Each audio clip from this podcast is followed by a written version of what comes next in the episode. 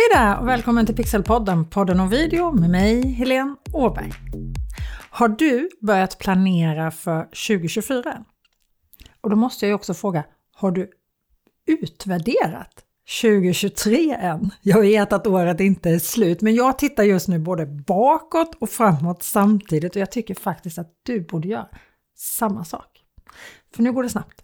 Det är inte länge innan vi skriver 2024 och då vill du ju veta vad som funkade bra 2023. Så du vet vad du ska göra mer av och du vill veta vad som inte funkade så bra så du kan tweaka det och göra det bättre. Dessutom vill du ha lite koll på vad som händer utanför din egna lilla bubbla, vilka trender som finns. Vi företagare har ju så lätt på att fokusera på nästa grej och så glömmer vi att titta bakåt och det finns så många lärdomar och nyttiga saker att se när vi tar till oss den informationen som vi faktiskt sitter på och drar nytta av det när vi jobbar vidare framåt. Så jag tycker faktiskt att du ska pausa planerandet 2024 lite till om du har börjat med det och titta tillbaka ordentligt på 2023 om du inte redan har gjort det. Och du behöver inte göra det här analyserandet krångligt eller svårt. Det räcker egentligen med tre enkla frågor och sen gå lite djupare på svaren. De här tre frågorna är 1. Vad fungerade bra? 2. Vad fungerade dåligt? Och 3. Vilka trender eller nyheter ser vi runt hörnet som vi behöver ta höjd för? Men det är viktigt att veta vad vi menar när vi ställer de här frågorna. Vad menar vi med bra? Vad menar vi med dåligt? För bra kan ju vara olika saker och här gäller det att titta på vilka mål du hade för 2023. Uppnådde du dem? Och hur gjorde du det i så fall? Växa på sociala medier kanske var ett mål du hade. Gjorde du det? Vad var det för något du postade när du växte som mest? Få fler prenumeranter på din mejllista kanske var ett annat mål. Fick du det? Varifrån kom de i så fall? Öka ditt omsättning i ditt företag var Bergs ett mål. Lyckades du med det? Och var kom inkomsterna ifrån? Du kanske hade mål att ha roligt. I så fall, vad var det du gillade mest? Men sen lyckas vi ju inte med allt vi gör, så det är också viktigt att titta på det som inte fungerade så bra. Vad var det för något du försökte göra eller har gjort under 2023 som inte gav dig de resultaten som du ville ha. Finns det någon lärdom att dra här? Du vill ju lägga din energi och din tid på sånt som fungerar under 2024, eller hur? Och sånt som är kul.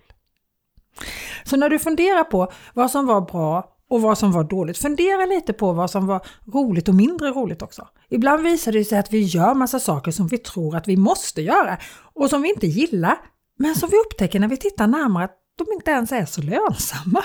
Och så varför ska vi göra dem då? Och det är ju det som handlar om att titta bakåt på 2023.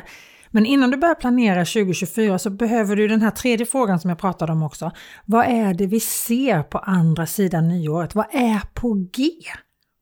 Vad är det som kommer hända? Det behöver vi också ha lite klart för oss innan vi planerar 2024. Men fokus är ju kanske egentligen på vad har gått bra vad har gått dåligt? Det är det som är du verkligen har fakta på, höll jag på att säga. Och sen lite tankar kring vad det är som är på gång. Ett riktigt bra sätt att göra den här tillbakablicken på är att göra den tillsammans med en eller flera andra företagare. Är du egenföretagare så kan du göra det tillsammans med andra företagare eller att ni sitter flera i ett och samma företag och gör den tillsammans. Men är du egenföretagare så kan du dra lärdom av varandras erfarenheter också. Och även i samma företag så är det inte säkert att ni tycker riktigt likadant och därför är det så bra att diskutera de här frågorna. Och när du gör det tillsammans med någon annan så ser du ofta allt ett lite större helikopterperspektiv och ibland kan det till och med vara lättare att se vad som var bra och dåligt hos någon annan än hos dig själv. För här, då är liksom känslorna bortkopplade, då finns det inga inga känslor med i det utan det blir mer fakta. Så har du en business bestie, boka en dejt och börja analysera era 2023 tillsammans redan nu så att ni sen kan brainstorma om 2024 tillsammans också. Och för dig som inte har en business bästa kompis, en företags bästa kompis att göra det här tillsammans med, så gör jag det med dig här och nu. Så sätt dig ner, ta fram papper och penna eller datorn och så titta på 2023 tillsammans med mig. Hur har året gått som helhet? Och då tänker jag kanske främst på dina inkomster. Har det varit ett bra år? Har det varit ett dåligt år? Hur har du mått under det här året? Har det varit roligt? Men om vi börjar med inkomsterna. När jag tittar på mitt år som helhet så har det vid en första anblick gått okej. Okay. Och om jag inte grottar ner mig i siffrorna på riktigt så skulle jag nog säga att det här är just ett okej okay år. Lite same same som förra året.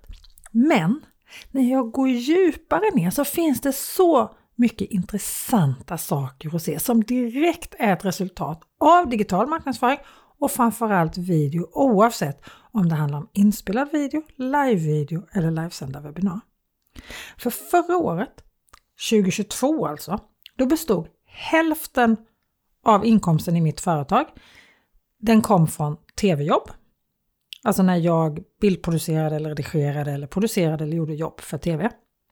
Och hälften av inkomsterna kom från föreläsningar, webbutbildningar, både och andra speciella utbildningar för ett företag eller öppna utbildningar, men också mina webbutbildningar och andra utbildningar. Så det fanns liksom utbildningsdelen och tv-delen. Det var hälften hälften. I år ser den här fördelningen helt annorlunda ut. Resultatet är väldigt likt. Under jullovet förra året hade jag långa längdskidsturer där samma tanke malde i huvudet hela tiden. Jag känner mig färdig med TV. Det här var inte en ny tanke, den här känslan hade malt ett rätt bra tag. När jag var på en konferens 2018 i Dallas, Texas, USA, Video Marketing World hette den, så pratade youtuber Roberto Blake om Death of Cable TV. Hur vanlig TVs storhetstid var över. Jag tror att det var där någonstans som jag började känna den här känslan att jag kanske börjar vara färdig med TV ändå. Men mm, inte riktigt. Men redan då hade det som tv-världen kallar för Netflix-döden märkts av. Färre svenskar tittade på vanlig tv. Samtidigt så är det ju tv jag gör. Jag är tv. Jag har jobbat med tv i över 25 år. Jag har redigerat, bildproducerat, producerat olika tv-program i över 25 år. Eftersom jag har jobbat mycket med livesända tv-program så har jag också under de här 25 åren jobbat när alla andra har varit lediga. För det är då alla andra tittar på TV. Förut kände jag aldrig att det var en uppoffring att jobba när alla andra var lediga, men de senaste åren har det skavt lite att åka iväg till jobbet när alla andra har varit lediga. Men när jag väl har varit där sen så har det varit magiskt, precis som vanligt, för det är så många underbara människor som jobbar med TV i Sverige. Och är det något som är extra roligt med TV är att TV är samarbete. Det går inte att göra TV ensam, det är som ett gigantiskt grupparbete. Alla behövs och alla ger allt och det är så roligt. Samtidigt så har det här skavet fortsatt för att inom tv-branschen har det handlat mer och mer om pengar istället för att skapa det bästa möjliga programmet för tittaren. Så det har inte varit riktigt lika roligt att jobba med TV som det har varit tidigare. Så jag tog ett beslut. Under 2023 skulle jag jobba med video och livestreams webbinar, inte med traditionell TV. Och nu under sommaren och hösten har ju nedläggning av program varit otroligt många, så beslutet har känts helt rätt. Och i våras, när SVT dessutom hörde av sig och berättade att Nobel som jag har jobbat med de åtta senaste åren kommer göras av intern personal, alltså anställd personal på SVT, så kändes beslutet ännu mer rätt. Men det beslutet betyder att jag satsade 100% på det som tidigare år gett mig 50% av mina inkomster. Och varför berättar jag det här för dig i en podd om video? Jo, för trots världsläge, trots att alla pratar om lågkonjunktur och trots att många pratar om minskade intäkter har jag tack vare video, webbinar, livesändningar dubblat den delen av mitt företagande som inte kommer från TV. Allt tack vare ett personligt varumärke i min digitala marknadsföring. Tack vare att jag blir hittad genom video på olika sätt.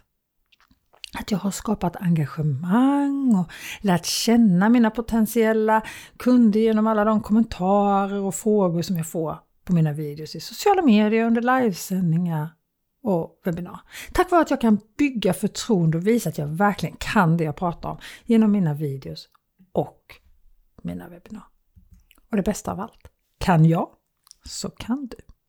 Så fundera på vad har fungerat bra i ditt företag i år? Vad är det i ditt företag som verkligen har fungerat sådär exakt så som du ville? När jag tittar på mitt företag så kan jag se att min nya webbutbildning Bli bekväm framför kameran har gett otroliga resultat. Dels för mig, men framförallt för de som har varit med på utbildningen.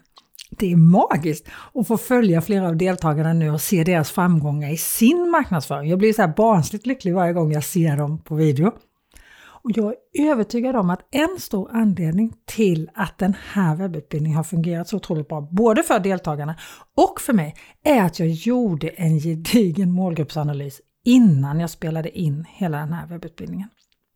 Jag har guidat programledare, hållit workshops, utbildningar, att vara framför kameran, upplevas trovärdig och samtidigt känna sig bekväm i flera år.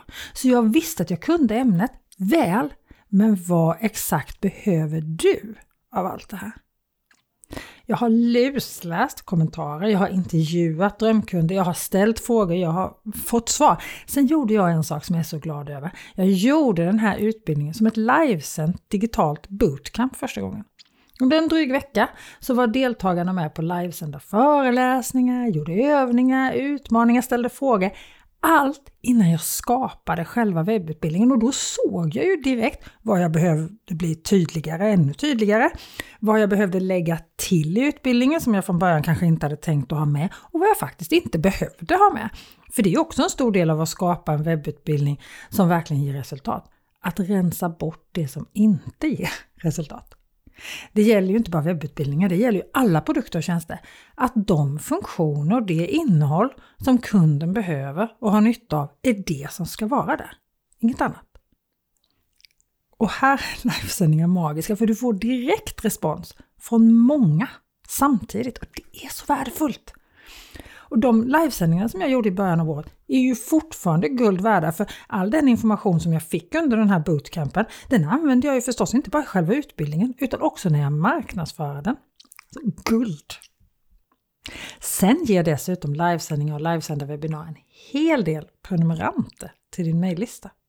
För mig kommer merparten skulle jag säga av alla nya prenumeranter 2023 från just livesändningar och webbinar. Här har du världens möjlighet att jobba med din mejllista. Och den är ju också guld värd, för den äger du. Där är det inte sociala mediers algoritmer och andra nycker som styr, utan du. De allra flesta som anmäler sig till mina utbildningar eller anlitar mig för personlig coaching har varit med på min mejllista ett tag. Eller följt mig i sociala medier under en längre tid. Men även videoannonser har gett mig många nya kunder under 2023. Kombinationen video på mina sociala mediekonto, videoannonser och video på hemsidan tillsammans med livesändning och webbinar är fantastisk. Och när alla de här delarna samarbetar, det är då det blir magi. Jag har testat en hel del olika annonsformat, till exempel det här året. Och jag märker faktiskt stor skillnad på video och andra format. De annonser där jag har använt video har lägre konverteringskostnad. Alltså det kostar mindre för mig för varje person som anmäler sig till ett av mina webbinar när annonsen som de hittar webbinariet på är en video istället för en bild och text.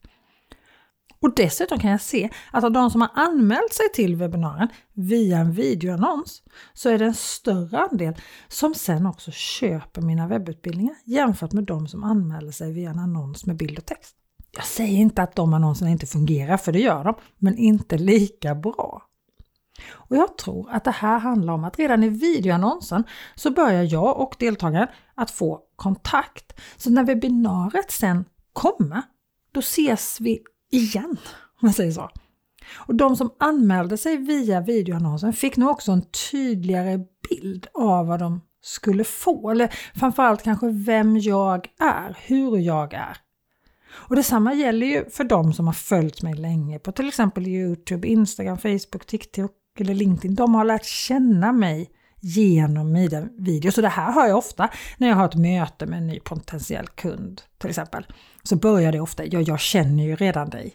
Och när en kund har bett dig att komma på ett möte och öppna med att han eller hon redan känner dig, så har ju den här kunden mer eller mindre redan bestämt sig för att handla av dig igen eller att börja handla av dig om det är en potentiell kund. Eller hur?